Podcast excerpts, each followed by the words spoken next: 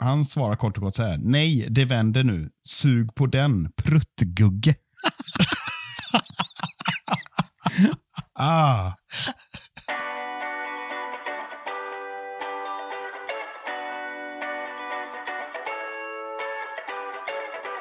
Can Manchester United score? They always score. Rooney! Oh, wonderful! It's Berbatov! Brilliant! Marcus Rashford! Oh, glorious! That is a special one!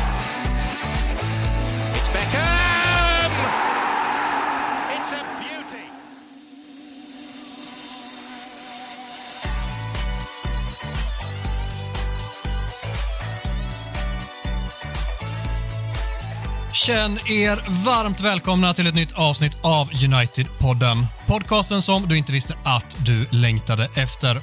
United-podden görs i ett stolt samarbete med både den officiella skandinaviska supportklubben MUS och United-redaktionen på Svenska fans.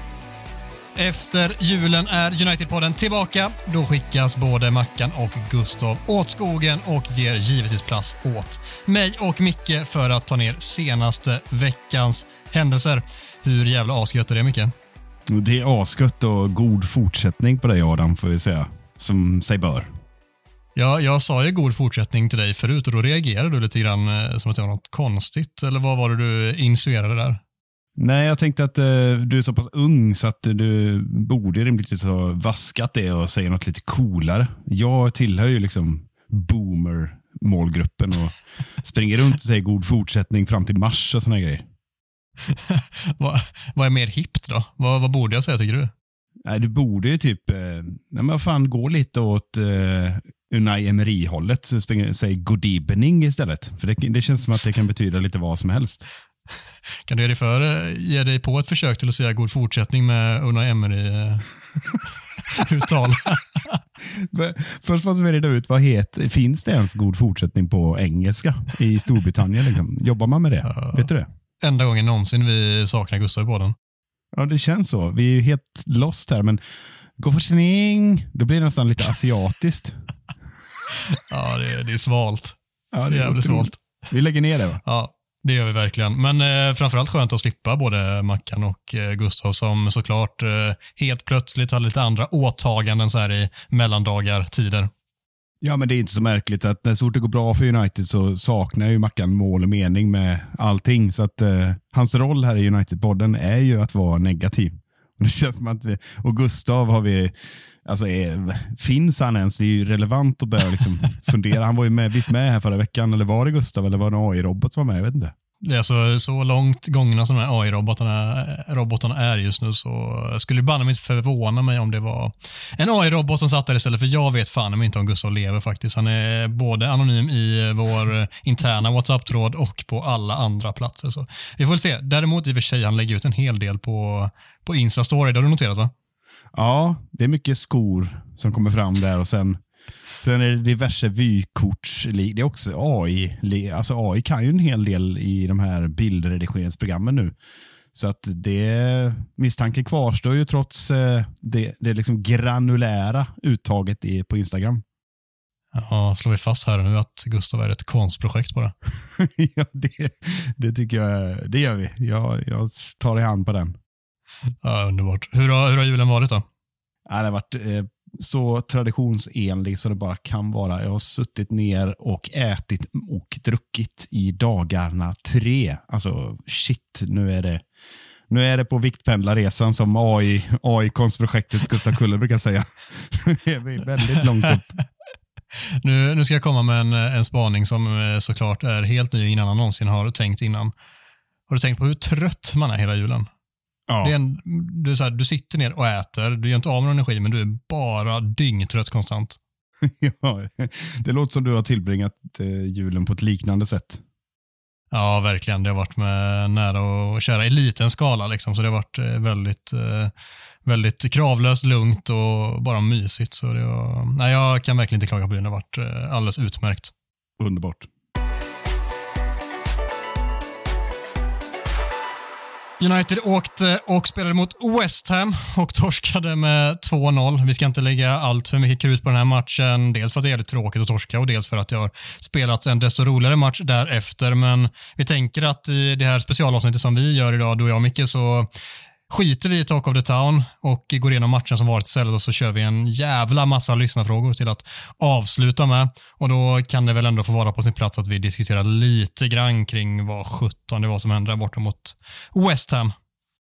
Ja, var fan ska man börja? Alltså, jag tycker ju liksom att första halvlek var ju bland de mest tapp tempolösa och tempofattiga Alltså det var otroligt trögt. Det var en David Moyes matchbild. Han fick den precis som man ville ha det och det känns som att alla Uniteds avigsidor och oförmågor kom upp till ytan och blev väldigt tydligt. Och sen ja, efter första målet så, så är det precis som att eh, ja, man springer runt och tycker synd om sig själv. Jag, jag var riktigt bedrövad för jag hade ändå en liten feeling för att West Ham kom från en kölhalning eh, mot eh, Liverpool i FA-cupen var det väl. Och tänkte att även om de hade lite B-lag där, att fan de ska vi kunna städa av och så bjuder United på, på den usla insatsen. Ja, jag, var, jag var riktigt, jag var duktigt irriterad faktiskt. Och det har jag glömt nu.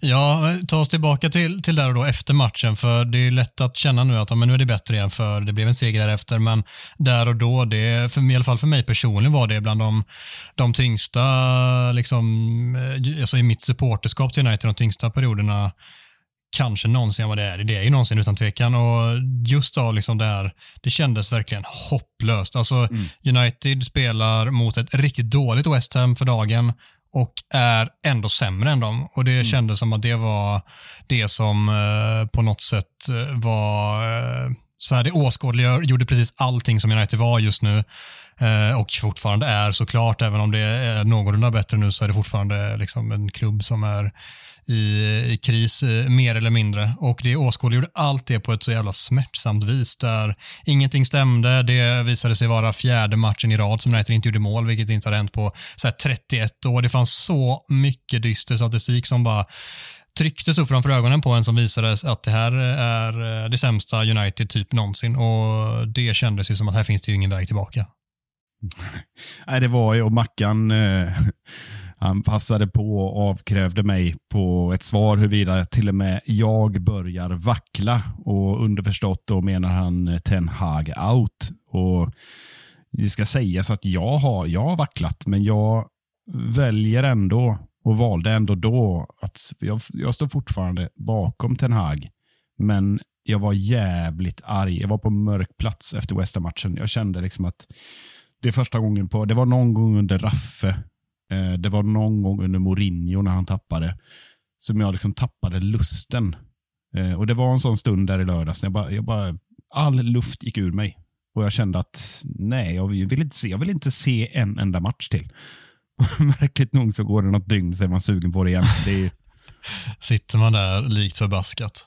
Jag, jag är med dig där kring Ten Hag. Eh, sen är jag inte, eh, ja, jag har varit lite mer kritisk än du tidigare och jag kände att här var det som fick det och till slut och liksom fick pendeln att slå över för min del. Jag kände att nej, nu det här är nog lika bra att vi går skilda vägar nu, för det går ju inte längre om det ska se ut så här. Det var precis den omedelbara känslan jag kände under matchen, efter matchen och i ett par dagar efteråt. Att de här senaste fyra matcherna för mig var så, så talande för att det inte går nu och att det, det måste nog till en förändring. Även om jag så gärna vill att den här nya sportsliga ledningen ska få fatta det beslutet och att det ska gå till det, så kände jag att nu, nu liksom är det ändå förbi den gränsen att det kanske måste till en förändring ändå. Där jag kände nu är jag väl eh, 65-35 på Ten Hag out och det har aldrig varit att jag varit eh, att majoriteten av mig har känt att han ska ut tidigare. Så det var också lite så jobbigt att känna så, för jag har verkligen försökt gneta emot, men det har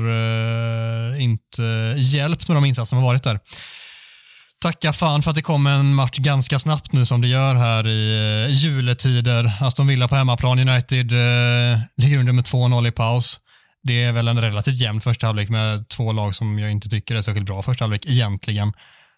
Där allting händer i andra halvlek.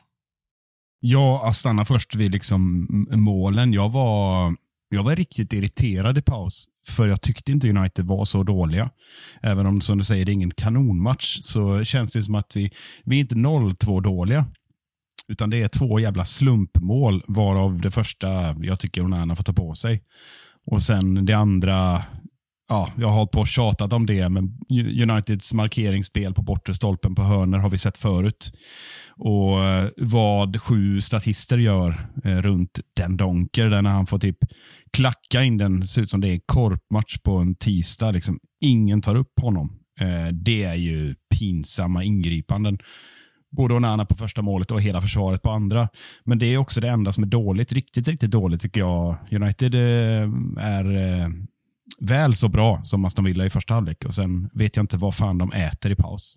Nej, så, eh, jag håller med dig, men jag vill inte kalla det för slumpmål heller, för det är ju extremt uselt av Aston Villa som är väldigt bra på fasta och eh, visar att de har gjort läxan där och nyttjar Uniteds brister till fullo på ett liksom, exemplariskt vis. De, de spelar inte jättebra i övrigt, men i boxarna var det stor skillnad på lagen. I övrigt tyckte jag det var relativt jämnt i första halvlek, men Villa var betydligt bättre i, i bägge boxarna och eh, hade gjort läxan i andra halvlek så United kom ut som ett helt annat lag och sköljer över Aston Villa som man ska säga, de är naiva i sättet de spelar på andra mm. halvlek. Jag fattar inte matchplanen där, men det är bara att tacka och ta emot. United gör ju såklart bästa möjliga av de förutsättningarna som ställs ut i andra halvlek och Garnacho och Rashford får framförallt de två får ju verkligen bara springa på ytor, vilket de, eh, deras egenskaper passar såklart allra bäst till det.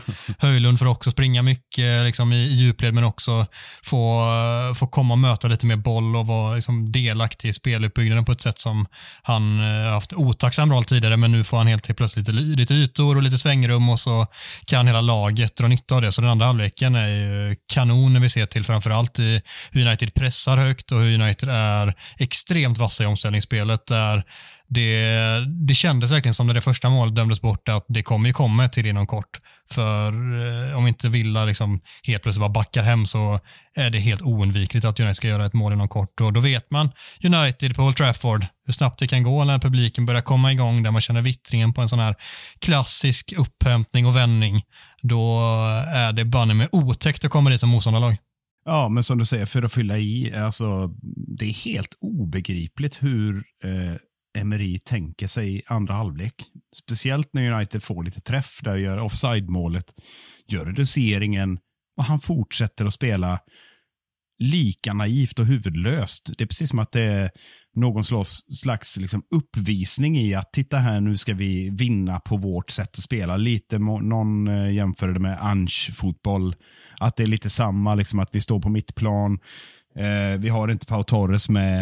Eh, vi saknar kanske, ja, jag vet inte, de hade inte alls det systematiska spelet som stängde ner både City och Arsenal. Eh, så jag förstår ingenting. Det är som du säger, att, att ge Garnacho och, och Rashford sådana ytor. Det, det, är inget lag i världen som står emot det då, på riktigt. Nu tar jag i lite, men det är lite så. För det är exakt det United I alla fall när de är i fullskaligt slag, då, då är det absolut så. Igår var de i, i väldigt bra form. Så är det och Bruno käkade upp, eh, tycker jag, mittfältet tillsammans med, med Kobby här i, i andra halvlek. Det, det, det är där vi vinner matchen. Eh, vi, jag vet inte hur många bollar Bruno vinner. Och får han dessutom vinna bollen och få en, en kvart på sig att servera, eh, spelar i fart, ja, men då är han halvhyfsad. Mm. Ja, verkligen. Nu jag känner att vi börjar att toucha på spelarinsatserna. Ska vi bara riva av veckans bajs, Micke, så får du eh, gå igenom vad du har satt för betyg på spelare. Vilka har varit de två bästa och vem har varit den som behöver höja sig? Så gärna, så gärna. Det gör man ju såklart alltid eh, med den äran när United har vänt på Boxing Day. Då mår man inte jättedåligt att få hålla i den här programpunkten. Ja, jag har väl varit inne och touchat lite på det. Jag tycker väl att det är många som är väldigt bra i andra halvlek, men jag fastnar lite extra för två spelare som jag tycker står ut över mängden. Eh, och det näst bäst har jag utsett Bruno till. Jag tycker eh, den här typen av matcher, när han mer eller mindre får liksom bestämma hur det ska bli, eh, då är han otroligt nyttig för United. Och Alla hans egenskaper med hög, hög frenesi i sitt pressspel med den här liksom killerinstinkten i närkamperna och dessutom omedelbart upp med blicken, hovmästarblicken och serverar. Liksom. Det, han, han är riktigt, riktigt bra under en 20 minuters period där, när det kunde ha blivit mer, är min känsla. Eh, både från honom och, och, resten av laget, men för mig är han näst bäst. Och vem är bäst? Ja, men, eh, gör man två mål, eh, inte avgör, men gör man två mål på det sättet som jag tycker och skapar så många chanser, eh, då ska man, förtjänar man det priset. Garnacho tycker jag för mig är den klart bästa spelaren. Det har varit på gång flera matcher. Han har skapat väldigt mycket. Det händer mycket runt Garnacho, konstaterar de flesta. Och Nu fick han ketchuputdelning med två ja, men, jobba och slita mål. Eh, hårfint offside från, en, från ett hattrick. Liksom. Det för mig är han bäst. Helt med om att han var bäst igår. Jag tycker inte att det senaste tiden att det känns som att det varit på gång. Jag tycker nästan tvärtom. att han, alltså Matchen han gör mot West Ham är ju under all kritik tycker jag. Och Det känns som att fan nu, nu kanske han eh, börjar liksom halka in i det som många United-spelare typ alltid gör förr eller senare. Där de flyger en period och sen så har de svårt att komma ur en svacka som bara blir oändlig istället. Men istället så tar han bara superfart i den här matchen och är Ja, men alltså han, han presterar ju och för sig som en superstjärna i just den här matchen isolerat. Så det är hans, det är hans match, det är hans spelplan och träffar det hans. Och det, det känns som att det är nu han visade upp att han också har den där höjden som man ser ibland att det kan finnas där, men jag har helt ärligt handen på hjärtat tvivlat lite under, under hösten här om han faktiskt verkligen har det där sista. Och eh, jag säger inte att detta är ett kvitto på att han faktiskt har det, men det är eh, ett stort steg i den riktningen för att kunna i, prestera i ett läge där United är just nu, där han som 19-åring kliver fram och är helt avgörande med två mål, med mycket andra initiativtaganden där han skapar så otroligt mycket övrigt. Han har en arbetsinsats som är klanderfri och han kunde absolut gjort ett till mål som, som du sa där med det bortdömda målet och någon chans till. Så solklart så, eh, där är vi totalt eniga. Men andra platsen tycker inte jag att Bruno ska. Jag tycker att du är helt rätt på det kring vad han bidrar i matchen och att han var jättebra i matchen. Men jag, jag tänker lyfta upp Marcus Rashford som jag tycker är, är näst bäst igår. Och det, det gör jag såklart för att jag tycker om honom så mycket. Men eh, när jag försöker ta på mig de objektiva glasögonen också så tycker jag att han är, eh, alltså det är såklart att så här, det kan bli lite så som vi pratade om tidigare med Harry Maguire-effekten, att man jämför med något som varit så dåligt och när helt plötsligt är ganska bra så tycker man att det känns jättebra. Mm. Men jag tyckte att i andra halvlek var han verkligen väldigt bra. I första halvlek tycker jag att man såg liksom här, tendensen som vi inte har sett den här säsongen. Han kommer till det avslut som han inte gjort tidigare. Avsluten sitter inte i de yttre maskorna, det är lite för mycket mitt på, men han kommer till avslut. Han är mycket mer initiativtagande, både offensivt och defensivt. Han springer väldigt mycket mer känns som att det är en påkopplad Rashford som har eh, någonstans hittat rätt mentalt inför matchen och att det börjar successivt tugga igång i första halvlek. Och i andra så tycker jag att han, alltså utan honom så, så händer inte den här vändningen heller. Samma med Bruno, absolut, men jag rankar Rashfords insats lite högre. Kanske också dels för att vi har haft en Rashford som varit under isen så länge att, att det spelar in, men jag tycker genuint att han, att han är tvåa. Han har assisten till det bortdömda först, sen har han assisten till, till eh, Leganachos första mål och eh, i övrigt tycker jag att han är eh, ett ständigt hot egentligen. Så det, det känns jävligt hoppfullt att det kanske är en Rashford som börjar verkligen, verkligen varva upp nu och det har vi väntat på länge. Jag tar fasta på det sista du säger där, eh, utan att gå i polemik om han är två eller tre eller vad han nu är. Jag håller med dig om allting du säger. Eh, det är otroligt skönt att se att Rashford hotar igen. Och framförallt att han får liksom lite sin match kanske då som man vill ha för att kunna rulla igång och kunna hota även stillastående försvar. Ja, du fattar. Det är liksom eh, också skönt att se att eh, han fick spela på sin position som man vill spela på. Det gick att lösa högerkanten så här, som den här gjorde med, med Garnacho. Eh, och, ja, det, det, var, det kändes jätteskönt bara. Jag, jag stannar där. Sen finns det ju andra att lyfta också, men extra skönt att se Rashford tillbaka. Verkligen. Eh, med Garnacho till höger där så tycker jag att det var väldigt tydligt att han för när han spelar till vänster så har han så otroligt mycket valmöjligheter hela tiden där han kan gå åt olika håll. När du spelar som högerfotad på högerkanten så blir eh, valmöjligheterna någorlunda mer begränsade. Och Jag tycker att det hjälpte honom i matchen. Han kunde bara liksom köra, behövde inte tänka efter lika mycket. Besluten tas något mer av sig själva än eh, på vänsterkanten, vilket gjorde att han, allting var så jäkla rakt av honom hela tiden. Det var bara pang på att köra och eh, det gynnade honom och det gynnade laget i slutändan också. Och eh, något annat som gynnade laget var, åtminstone för mig, jag tror att det är på min sida är att både McTominay och Anthony blev eh, placerade på bänken för en gångs skull och helt plötsligt spelar United ändå rätt bra fotboll. Vem hade kunnat ana? Ja, jag tycker det och det, då är det värt att nämna en spelare till och det är Christian Eriksen. Jag har velat dra några lansar för honom när han varit borta här. För Jag har saknat det vi får med honom. Och Ja, han är inte lika snabb. Nej, han eh, kan inte liksom diktera och dominera som han har gjort förr om åren på det sättet. Men man ser otroligt stor skillnad det när du har en, en spelare som kan vi, får, vi vet vad vi får. Passningsspelet blir ett helt annat. Det blir ett annat flyt i, eh, i matchen. Det blir uppspelen blir lite snabbare på flera sätt, flera dimensioner. Jag såg inte många sådana här meningslösa långbollar av Onana. Utan vi kunde spela på ett annat sätt med Kobi, med Eriksen och med Bruno. Och det, det var otroligt skönt att slippa se en eh, vinglande McTominay och en usel Anthony på plan. På alla sätt och vis. Och eh, innan vi går vidare tycker jag att Kobi ska nämnas igen för han på det stora hela gör han en bra match mot West Ham och sen är det ju ett eh, stort misstag han gör som leder fram till 0-2 målet som såklart ska ha skit men han kommer också lära sig jättemycket av det som unga spelare gör. Men allt han bidrar med i, eh, i den matchen och som han framförallt också bidrar med som Villa-matchen där han inte har låtit det här misstaget eh, påverka honom det minsta. Dels så är det här passningsspelet som vi pratat om flera gånger, det, det, är där hela tiden. Det är så väl avvägda passningar hela tiden. Det är liksom farten, vilken fot han sätter den på på medspelaren. Allting finns en tanke bakom. Det är inte bara att labba till den som McTominay gör rakt på en spelare i knähöjd och så får den liksom göra det bästa den kan därifrån. Ja. Utan det är så otroligt genomtänkt. Jag tog i, jag vet, men det är så genomtänkt alltihop som, som Kobbe gör med bollen. Och sen utan bollen så kändes det som att det här blir hans största test i United med tanke på att han inte har då någon Amrabat eller, eh, eller någon Casemiro som inte varit tillgänglig tidigare, men den typen av spelare bredvid sig eller i, i på det mittfältet, han är ju den som ska stå för det största och viktigaste defensiva arbetet på mittfältet. Och det tyckte jag han löst eh, fan med briljant, framförallt i andra halvlek där mm. United försökte trycka på och göra mål, så var det han som hela tiden stod för den här viktiga brytningen när Villa vann boll, så var det han som vann tillbaka den snabbt som ögat med någon liksom skön nickduell som han vinner, mm. eller han liksom är smart inne med foten och bryter många gånger. Så här, det är flera gånger han står för dem och de är så här, bara kunna samla upp och bibehålla det trycket och den pressen. Det är så otroligt viktigt av en spelare som spelar på den positionen som,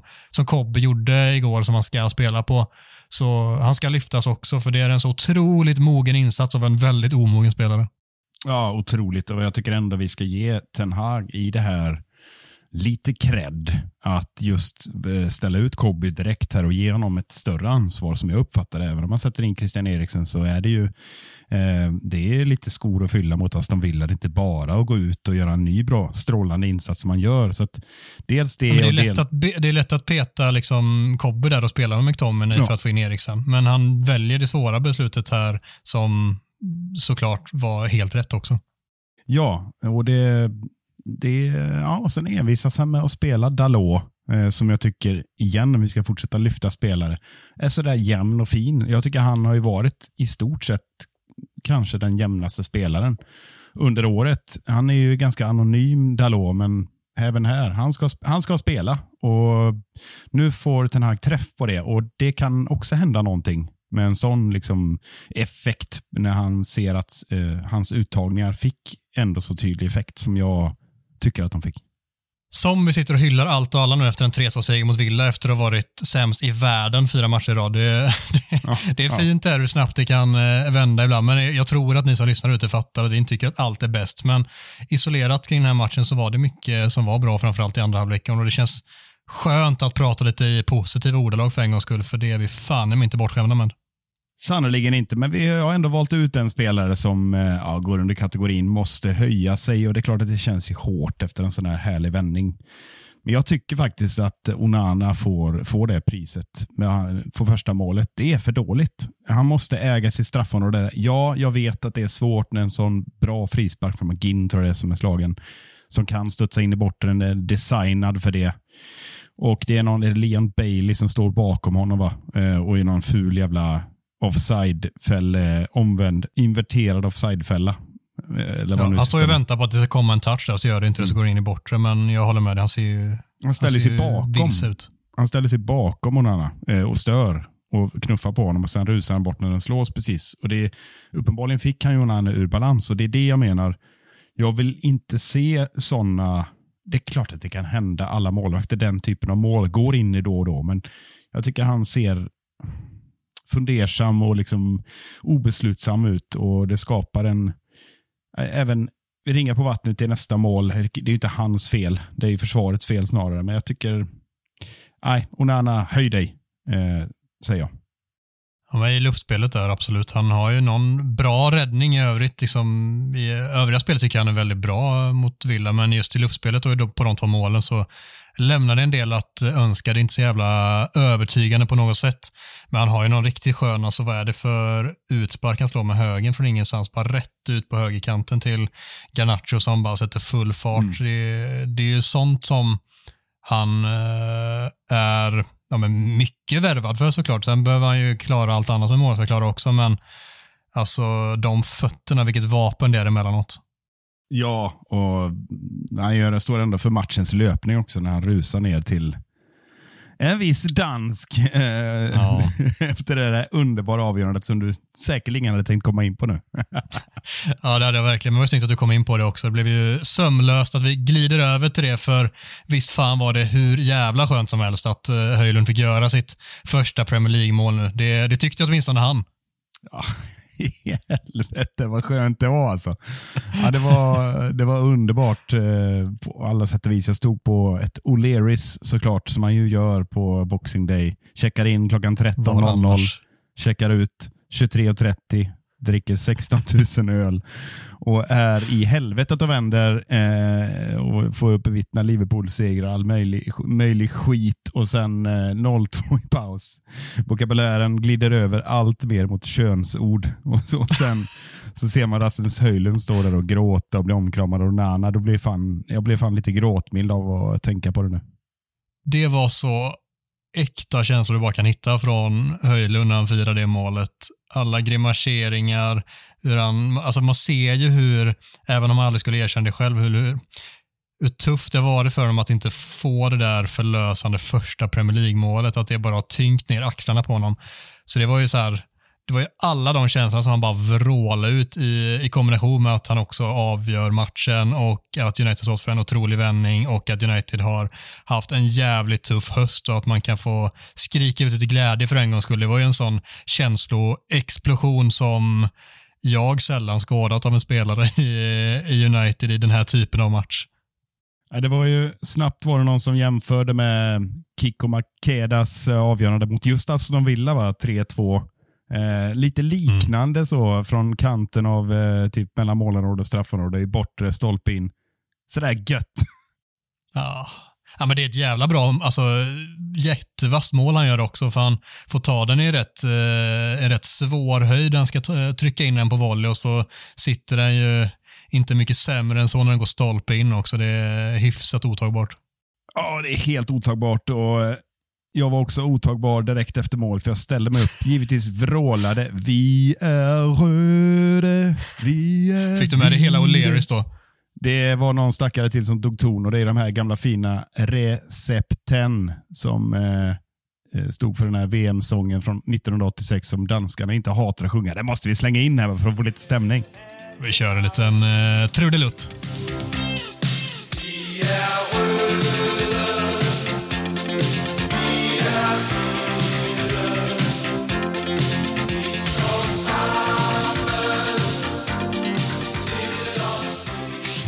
för jävla gött. Hur, eh, hur många gånger drog du igång den under kvällen då, när du firade segern? Nej, men det, det var ju faktiskt, eh, ja, den pågick ju från avgörandet och sen blev det nog ett par, tre verser till. Vi käkade kebab efteråt, kommer jag ihåg. Och, ja, det var nog inne på kebaben var det nog fan en ramsa också.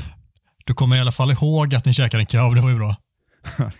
Ändå starkt, men det är viktigt där. Man måste fylla på med Mycket kolhydrater efter en sån tung dag på O'Learys. Ja, det, det var du värd. Tack.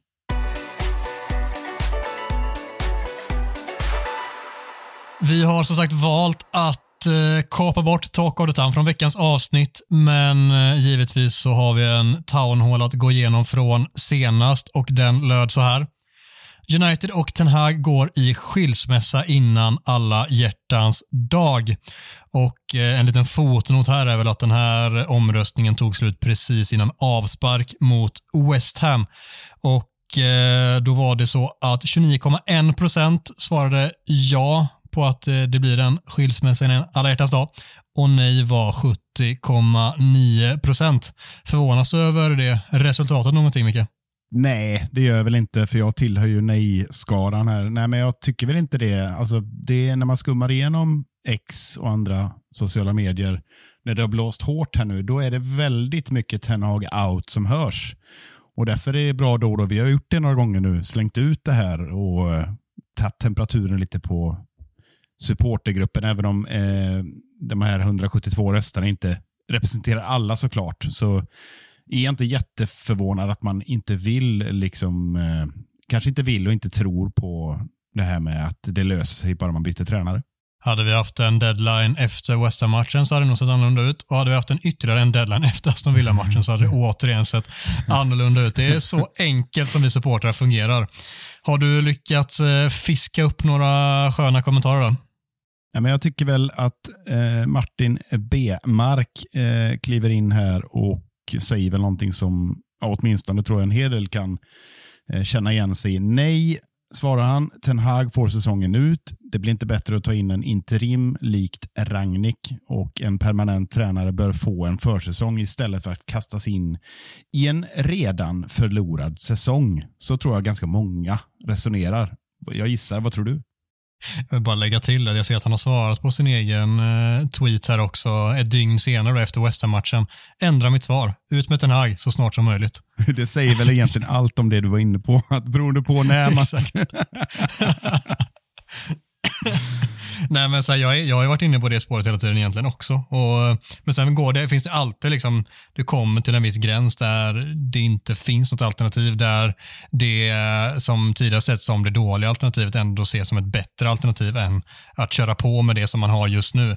Och eh, det var så som jag var inne på tidigare, det var så jag kände efter West Ham-matchen och jag är fortfarande inte helt främmande för det, men han har ju vunnit tillbaka mig lite grann och det är också helt sjukt för givetvis ska man se det ur ett mycket bredare perspektiv än så, men eh, de här procenten med eh, känslorna, de, eh, som supporter så blir det ju ofta så att de eh, får helt enkelt styras av resultaten.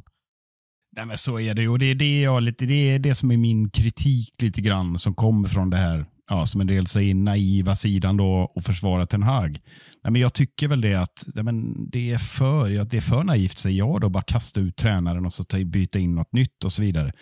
Men givetvis så måste man ha respekt för att no, vissa har bestämt sig att men Ten Hag United är ingen perfect match. Jag vill inte ha Ten Hag. Fine, liksom. men det här att beroende på resultat, lite som Martin ändrar sig till rätt, det har jag lite svårare för. Man kan inte ändra sin åsikt även om min bägare var nära att rinna över mot West Ham. Så, så dygn senare så är jag fortfarande där att jag tycker att han ska vara kvar åtminstone säsongen ut. Vi har fått in en uppsjö med kommentarer återigen, vilket vi givetvis är gör-tacksamma för. Är det någon mer som du känner att du vill lyfta upp nu eller ska vi gå vidare? Jag tycker det finns en här eh, som vi kan lyfta. Marcus eh, Mördargran. Jag har mig aldrig uttala hans eh, namn där på, på X, men han svarar kort och gott så här. Nej, det vänder nu. Sug på den, pruttgugge. ah. Den är kul. Pruttgugge. Ja. Nej, den är sex plus minst. Ja, har Gugge verkligen stuckit ut hakan så hårt? Eller menar han någon annan Gugge? Jag vet inte riktigt. Ja, men han bara gillar väl inte Gugge? Ja, det finns fler Gugge, skulle jag ha sagt också. Pruttgugge, ja det finns fler Gugge. Det är bra sagt. Ja, eh, veckans Townhall, vi har inte preppat någon för vi tänkte inte köra någon, men eh, du sitter ju här och stampar och tjoar och viftar för att du vill eh, kuppa in en veckans Townhall. Vad, vad är det du har karvat fram? Nej, men jag tar ju lite bäring här i vårt eh, hundrade avsnitt. Vi var touchade lite på det här ämnet, så jag tycker att eh, det blev inte så mycket debatt kring det och man har inte hört så mycket från lyssnare heller. Så jag tänker att vi kastar in ett, eh, en, en brandfackla helt enkelt och kuppar in ett lämpligt eh, townhall här i Mackan och Gugges frånvaro. Okej. Hit me. Ja, men jag tänker att vi har ju krånglat till det nu och en del, du bland annat brukar alltid bli irriterad när det är så här oklara påståenden att ta ställning till. Dubbelbottnade som du säger att jag alltid står för. Här får du ett jävligt enkelt och rakt att ta ställning till helt enkelt. Vem är sämst av Mackan och Gugge? är det ja och nej-fråga eller? Ja, och det, det är liksom på allt. Jag räknar in allt. Det är, man får tolka det som man vill helt enkelt. Ja, jag, jag svarar direkt att eh, jag tycker att det är Gustav för att han aldrig är med i podden längre.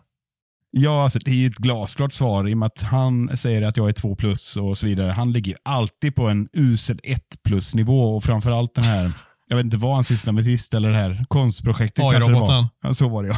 Som ville hålla på och tjafsa om deg och frukt och grejer. Sen ja, men så bekräftar jag för vissa då att man äter inte frukt i bröd, punkt. Eh, via X, för er som inte såg det, så la ut en bild på en lussebulle eh, med russinen utplockade. Så ska lussebullar ätas. Det är du jävligt tydlig med. Ja.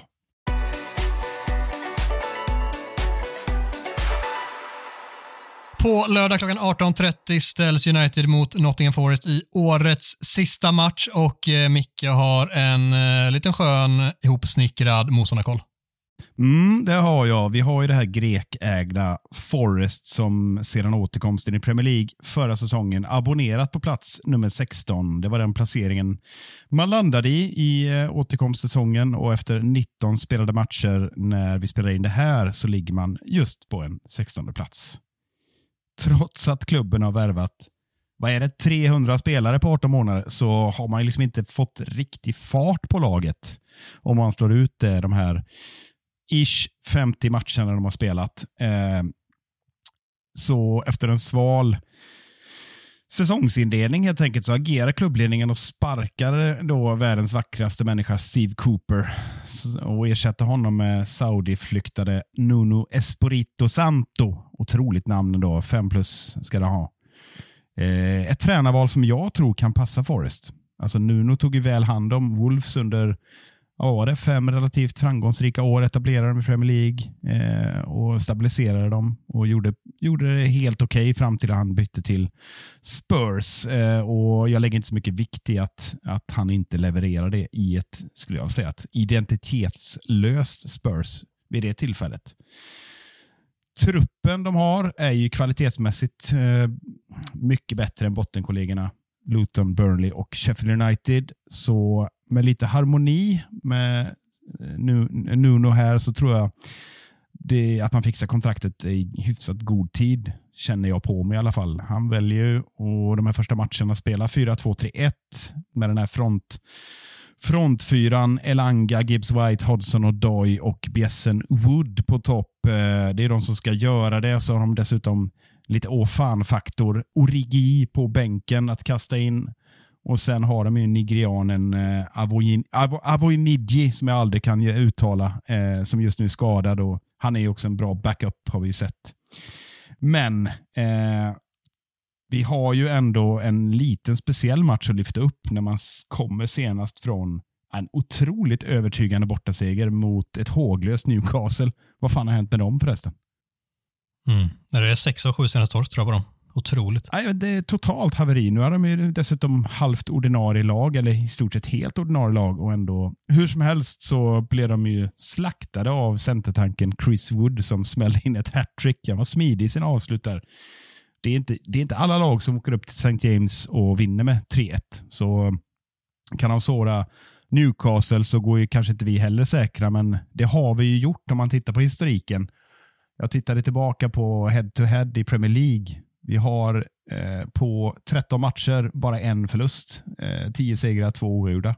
Har dessutom varit enda och senaste förlusten i Premier League kom 17 december 1994. Och sen återkomsten, sen de kom tillbaka, så har vi mött dem fem gånger. Tre gånger i ligan, två gånger i ligacupen som sagt. Och då har vi fem raka segrar och 13-2 målskillnad. Så på förhand så ska vi ju slå de här, men eh, nu är det bortaplan och nu är Forrest lite på gång efter senaste matchen, så vi får väl se. Vad är din känsla? Att det är kontringsspelet som de framförallt var sylvassa med mot Newcastle som vi måste se upp med där. Elanga var riktigt, riktigt bra och Wood eh, som inte är snabbast i världen eh, uppenbarligen är tillräckligt bufflig och jobbig att möta för att eh, kunna ställa till det för ett normalt sett ramstarkt Newcastle-försvar. Då ska de såklart kunna ställa till det för detta United-försvar också. Så vakna där och det kommer nog inte vara så att vi får sådär mycket ytor som Villa bjöd på och då är det åter tillbaka till de här problematiken som detta United-lag har haft under inte bara Ten Hag utan typ alla tränare sen Sir Alex att ha jävligt svårt att bryta upp den typen av motstånd motstånd och försvarsspel som sätter sig i knät på sin egen målvakt.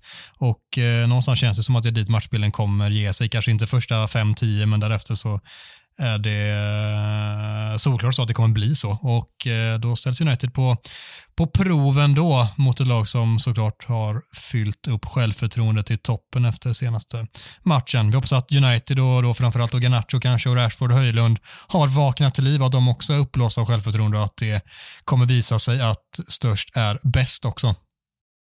Nej, men det är också en otäck eh, känsla att eh, efter den här euforin att vända mm, mot Villa hemma på Boxing Day och så åka till Nottingham och liksom ta med sig den energin nu så det inte blir ett magplask. För då, då är inte det ja, inte värt någonting. ska man inte säga att segern mot Villa eh, i så fall var. Men jag hoppas ju att eh, vi har satt en ny standard nu och att vi inte behöver hämta upp 0-2 underlägen i fortsättningen utan att vi kan börja matcherna på det sättet vi avslutade.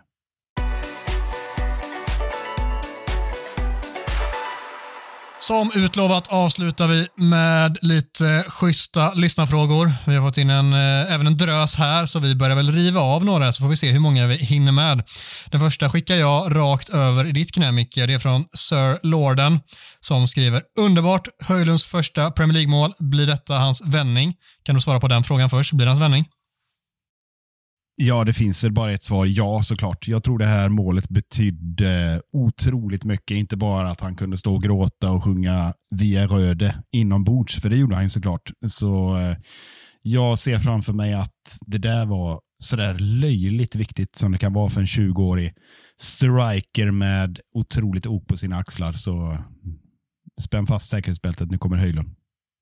Nästa fråga från Sir Lorden. Vem i United-podden har störst potential att odla ett riktigt tomteskägg? det, det känns väl som att det, är, alltså, så här, det måste vara Mackan, eller? Ja, ja, men det känns som, men Gustav har nog, eh, lite överraskande nog, kan han slänga fram en sån här eh, Ryan Giggs eh, aggressiv eh, liksom, eh, attackväxt. Jag, jag tänker att både jag och du är avskrivna. ja, jag kan ju bara lösa en sån här goat. Jag får ju liksom, polisongerna är bra, Eh, hakan är bra, men däremellan är det liksom kalt. Det går liksom inte, så det blir riktigt så här raggarfult. Så nej, jag avskriver mig själv där och du eh, verkar skriva dig själv med. Ja, jag tycker att vi ber Mackan lägga ut en bild på sitt eh, tjetjenska skägg som han ändå visar upp här förleden. Ja, tomtemackan helt enkelt. Ja. Ja, men ska vi ge dig en då, för omväxlings skull. Eh, det är alltså det är en fråga som egentligen borde spara till lite senare här, men du kan få, du kan få svara på den nu. Eh, hur mycket kommer vi förlora nästa match med, frågar Marcus. Det, det, är precis så vi vet att det funkar för United. När man tänker att det kanske, kanske, kanske kan komma en vändning, då blir det ju 0-2 mot Vill, eller Nottingham Forest i nästa match. Det, det är skrivet i stjärnorna. Uh, men jag säger det blir bara 0-2, så det, det kunde vara värre. Ja, du får en till här bara för det. Eh, det är rätt spännande då tycker jag att fundera lite grann kring lite hybris. Så här, det kommer från Johan Lind som undrar, är Garnacho och Mainu nya Ronaldo och Rooney? Haltande jämförelse, men du får ändå ta ställning till det.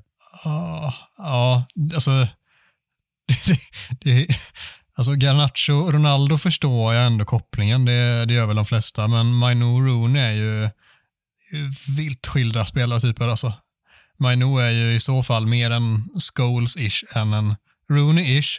Men om vi ska prata liksom höjder så har de ju också en jävla bit att leva upp till för det är ju två av de absolut bästa spelarna i både hela världsfotbollens historia och Premier Leagues historia. Så eh, där är de ju en lång bit ifrån. Har de talangen för det?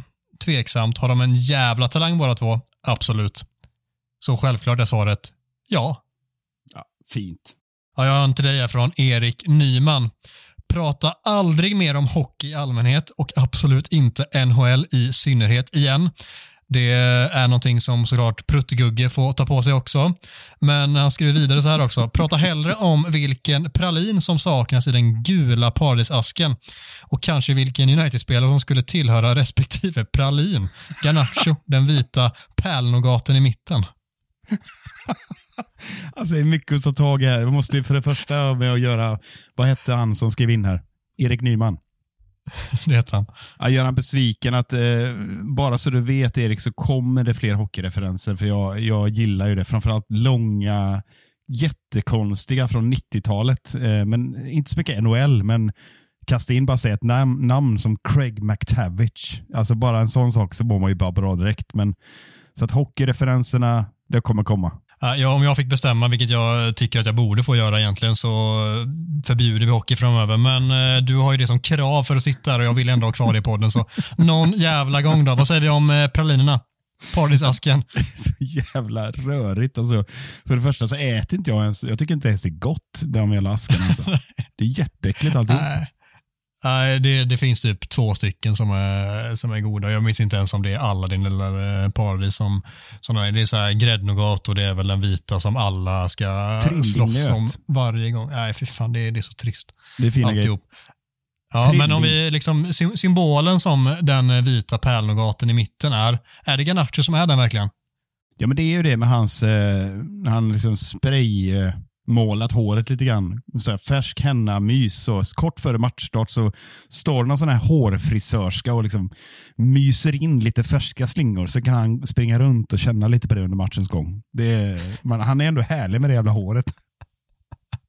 Alla vill ju ha den här vita pärlnougaten och känslan är i alla fall där och då när Garnacho kliver ut att han tänker att alla vill ha honom i alla fall.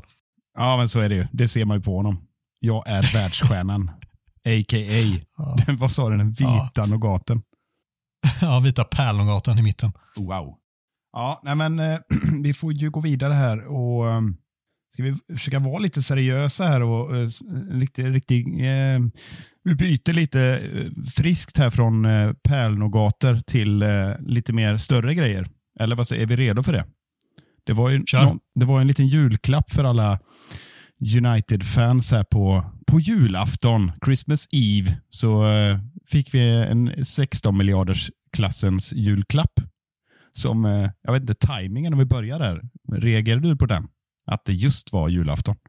Ja, men de firar ju inte där borta, så de tyckte väl att det var perfekt att skicka ut den där. Vi som satt där liksom mitt i julmiddagen eh, tänkte väl att eh, vad är det här för jävla timing? Men eh, med det sagt så blev det ju en jäkla skön, eh, skön julklapp att det äntligen vara i mål. De får inte börja jobba än. Det tar vad är det, fyra till sex veckor eller vad det nu är. Verkar råda lite delade meningar om det, men någonstans i det spannet eh, innan de är helt eh, godkända alltihop, men det är ju mer en formalitet och eh, det känns ju otroligt spännande. Jag har ingen aning vad det kommer ta vägen. Ingen vet det. Men det känns otroligt skönt att det dels inte är någon eh, oljeshejk som tar över och eh, dels att det är någonting som händer, att det är Glacier som får lämna ifrån sig det sportliga ansvaret och att det sker någonting nytt där, för det har vi väntat på alldeles för länge nu. Ja, men visst är det så. Och bakgrunden till varför jag bytte spår är att Mikael Fredrikssons fråga kom så här. En stor grundlig genomgång av vad Sir Jims intåg kommer innebära. Vad händer med sportsliga ledningen? Vilka byts ut? Vilka ersätter? Och så vidare. Och jag vet inte, du får ju avgöra det här såklart som enväldig domare och programledare. Det kommer vi kanske inte att ta idag, eller vad säger du? Nej, men jag tänker vi ska verkligen nysta i detta ordentligt och landa i ett mer helgjutet snack kring det, tycker jag, än att du och jag sitter här och snackar blaj som vi gjort här i alldeles för lång tid i det här avsnittet. Utan vi har ju såklart satt både Gustav och eh, Mackan i hårdträningar. Så de lusläser på om allting som eh, behövs eh, tas reda på kring Sir Jim Ratcliffe och hela Ineos och allt vad det heter. Så hoppas vi kunna i alla fall relativt snart efter årsskiftet eh, köra ett eh, mer gediget snack om eh, de eh, nya delägarna. Det låter bra, men en grundkänsla som är positiv, det får vi väl ändå svara Mikael att vi, eh, det känns inte, det känns ju inte sämre nu i alla fall. Så är det verkligen. Jag skickar en fråga från Anton Jakobsson till dig då, eller inte ens en fråga, det var ett påstående som jag tyckte var väldigt gött. Samma lycka som att öppna julklappar som 12-åring, som att slippa se Amrabat spela med sina betongfyllda Timberlands. Ja. Alltså det är jävla, det är likt det där. Alltså Timberland vägde den ändå del. Alltså, jag hade ett par sådana, fan hette de? Blackstone med stålhätta. Det skulle man ha på gymnasiet min tid. Och de var ju Livsfarliga. omöjliga att för det första gå med och för det andra att slå en bredsida som hände då och då. För det skulle helst vara lite slitet på dem. Stålet skulle synas.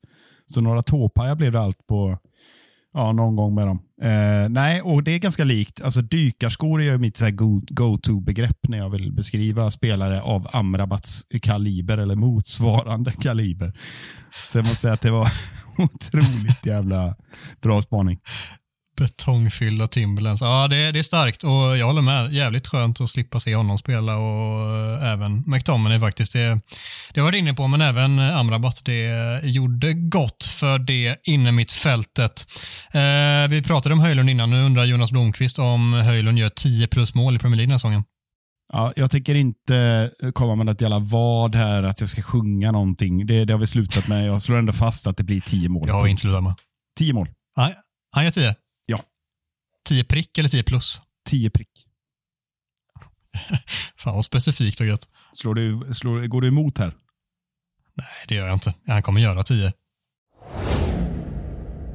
Nej, men vi har ju en från vår kära vän Skrotnisse 007. Alltså, vi har ju konstaterat att vi älskar när man lägger till lite slumpmässiga nummer, även om just 007 känns ja, inte så kompatibelt med just Skrotnisse. Men I användarnamnet finns ju annars eh, 17717. Det är lite bättre. ja, det är otroligt bra. Ja, vi får kolla med Skrotnisse var det kommer ifrån. Specifikt, men hur som helst så undrar han följande. Eh, eller slår fast snarare. Jag ger den till dig här. Så länge dagens fronttrio håller sig skadefri så ska väl inte Anthony få se startelvan någon mer gång i sin United-karriär. Det är hårt. Är det så? Det är sylvast. Alltså, spontant känner man ju bara ja. Ska man börja så här, tänka, vara lite eh, resonerlig och kanske någorlunda mer rimlig så är det såklart så att han någon gång ska få en start. Men den fronttrion som spelade mot Villa är ju den som vi absolut ska jobba in hårdast här under resten av säsongen eh, om inga andra alternativ dyker upp och slås in. Men Anthony kommer inte vara ett sånt alternativ. Det, det vill jag verkligen inte se för det, där känner jag mig på det klara. Han känns som att han har bränt ut det tillräckligt. Men eh, det är såklart så att han kommer starta någon match eh, någonsin igen. Det är svårt att se något annat, tråkigt nog. Vi avslutar såklart med en riktig superfråga här till dig. Och då avslutar vi med Anton Jakobsson som hade ett eh, till inskickat eh, förslag här. Kan vi få en topp tre bästa och sämsta på Mickes julbord? Ja, jävlar. Det var, det var, tack för frågan. Alltså. Det, det älskar jag att ta ställning till. Jag hatar inte det. Nej, men eh, lite uppstuds. Vi börjar med bästa då. Eh, naturligtvis så, så har vi ju eh, senapssillen på en tredje plats här. Jag äter normalt sett inte sill, men eh, bara senapssill då. Och på jul och midsommar och påsk, som Johan Glans brukar säga, sill igen! Eh, så ja, men senapssill trea och sen en, en god andra plats har vi ju ändå köttbullarna som ska in där. Eh, julköttbullarna. Jag vet inte vad det är för skillnad på julköttbullar och vanliga köttbullar, men mammas, som jag ofta äter på just julafton, är helt otroliga. Men etta, det är ju julskinkan. Så är det bara. Det är bara protein på min lista. Har du något att konkurrera med där? Ja, men då får väl jag sticka ut och inte köra något eh, protein och få köra en alternativ eh, lista sann eh, PK-anda. Jag, jag gillar ju alltså verkligen grönkål, alltså stekt eh, grönkål är jävligt gött med lite vitlök och svart och vitpeppar som man kan ha som komplement till eh, om man kör Jansson eller potatisgratäng eller vad 17 man nu har på, eh, på bordet i övrigt. Så den ska absolut lyftas upp som en riktig eh, underdog. Ja. ja, jag äter också grönkål, men ja, långt från topp tre enligt mig. Ja, vad tycker du om rödbetssalladen då? Den tycker jag är underskattad alltså. Den är fyra där. Det är, den skuggar. Nära slås in, senapssillen. Ja, men visst, visst är den underskattad också, för det känns aldrig som någonting som någon någonsin pratar om, men den är ju så sjukt viktig på julbordet. Ja, den är lite som, eh, vad fan ska vi säga? Ja, det är ja, någon spelare vi kan jämföra med. Ja, är det julbordets Luke Shaw? Ja, eller möjligtvis Johnny Evans. som vi inte nämnde överhuvudtaget. En kanonmatch. Ja, hans långa jävla tå du. Den, eh, den gjorde sitt. Den är lång. Det är den verkligen. På tal om tår då, vad, vad är det sämsta på julbordet, topp tre? det skulle vara om man liksom eh, slänger upp tårna i maten. Det, det ser jag direkt som oerhört sämst. Men, men framförallt John Evans tår, den är inte så mysig. Men ah, vad har vi på äckliga listan? Alltså, det, jag har en solklar etta komma på nu, men eh, allting med, jag äter ju inte skaldjur. Det slår alltid fast. Det är jätteäckligt. Så räksill och sån skit som står och luktar. Och sen har vi varmrökt lax. Så det är bara helt obegripligt att man ska vilja ha liksom kall jävla fisk. Eh, förutom eh, senapssill som är undantaget. Men etta på den här listan, hatlistan, är brysselkål. Jävlar vad äckligt. Alltså. Nej, fan. Det kan man också steka på lite ha med grönkålen och krydda på lite gött. Det är riktigt fint. Kokt är överskattat, men eh, absolut om man steker på det. Riktigt fint. Säger man inte så om allt vegetariskt? Bara man tillför 3000 kryddor och eh, åtta andra tillbehör så blir det gott. Vad fan gör man inte på uh, julskinkan då? Ah. Senap och grillering och fan, ah, fan och hans moster. Liksom. Okej då. Fan. Men med det sagt, jag, jag är det, alltså det absolut vidrigaste som jag inte fattar att någon någonsin har på julbord, är ju dopp i grytan. Vad ja. är det? Det är inälvor och skit. Va? Man, det är så gammal, vi har aldrig haft det i vår familj, men eh, man slänger liksom i lite allt möjligt. Hundmat, döda rådjur och skit. Och så kokar man det och sen sänker man ner en brödbit eller något sånt är det va? Ja, och så typ äter du brödbiten sen när den har varit i där i några sekunder. Och så ska det vara en jävla massa eh, salt, smak och grejer som vissa tycker är fullständigt strålande och som jag eh, nästan får eh, vända på min mage för att eh, klara av att hantera. Ja, nej, men den är där uppe och hugger på min topp tre hatlista också. Jag har ju aldrig ätit det i och för sig. Då. Det bara luktar illa. jag vet du vad som är allra, allra bäst av allt? Nej. Ris alla Malta. Oh, wow. Där är vi överens. Men ja, det, ja fan, det räk, räknas som efterrätt i och för sig. Men ja, det, ja, ja absolut. Det nu nu tog med. vi nästa steg. Ja, ja. Gamla ja, fina. Och sen är jag, jag är sån sinnessjuk sacker för julmust också, ska jag säga. Det är, det är, alltså, det, jag tror inte det går att lä- räkna antal liter som jag har tryckt i mig senaste månaden. Ja, det är du värd alltså. Gamla fina ris alla mata. Skicka med en hälsning. ris alla mata. Det är, det är två år sedan nu. Ja. Så det myntades, jubileumet. Fint. Vad känner vi? Är vi nöjda eller är vi asnöjda? Vi är asnöjda. Fan vad gött. Då riktar vi som vanligt ett stort tack till alla lyssnare som har orkat med oss den här veckan. Jag och Micke gjorde vad vi kunde. Det blev vad det blev. Eh, med det sagt så kommer vi komma med ett eh, till avsnitt här som vi kan avslöja redan nu att det kommer en nyårsspecial. Ni som följer oss på X, gör gärna det. Visste står redan om det. Ni andra får helt enkelt höra det nu att det kommer en eh, gigantisk pang nyårsspecial istället för en julspecial i år. Med det sagt så får vi eh, säga tack och ajökens för den här veckan. Tusen tack för att ni varit med oss. Det här avsnittet gjordes i ett stolt samarbete med United-redaktionen på Svenska fans och den officiella skandinaviska supportklubben MUS. Vill du resa till Manchester? Bli då medlem i supportklubben på mus.se och få tillgång till deras 500 säsongskort på Old Trafford.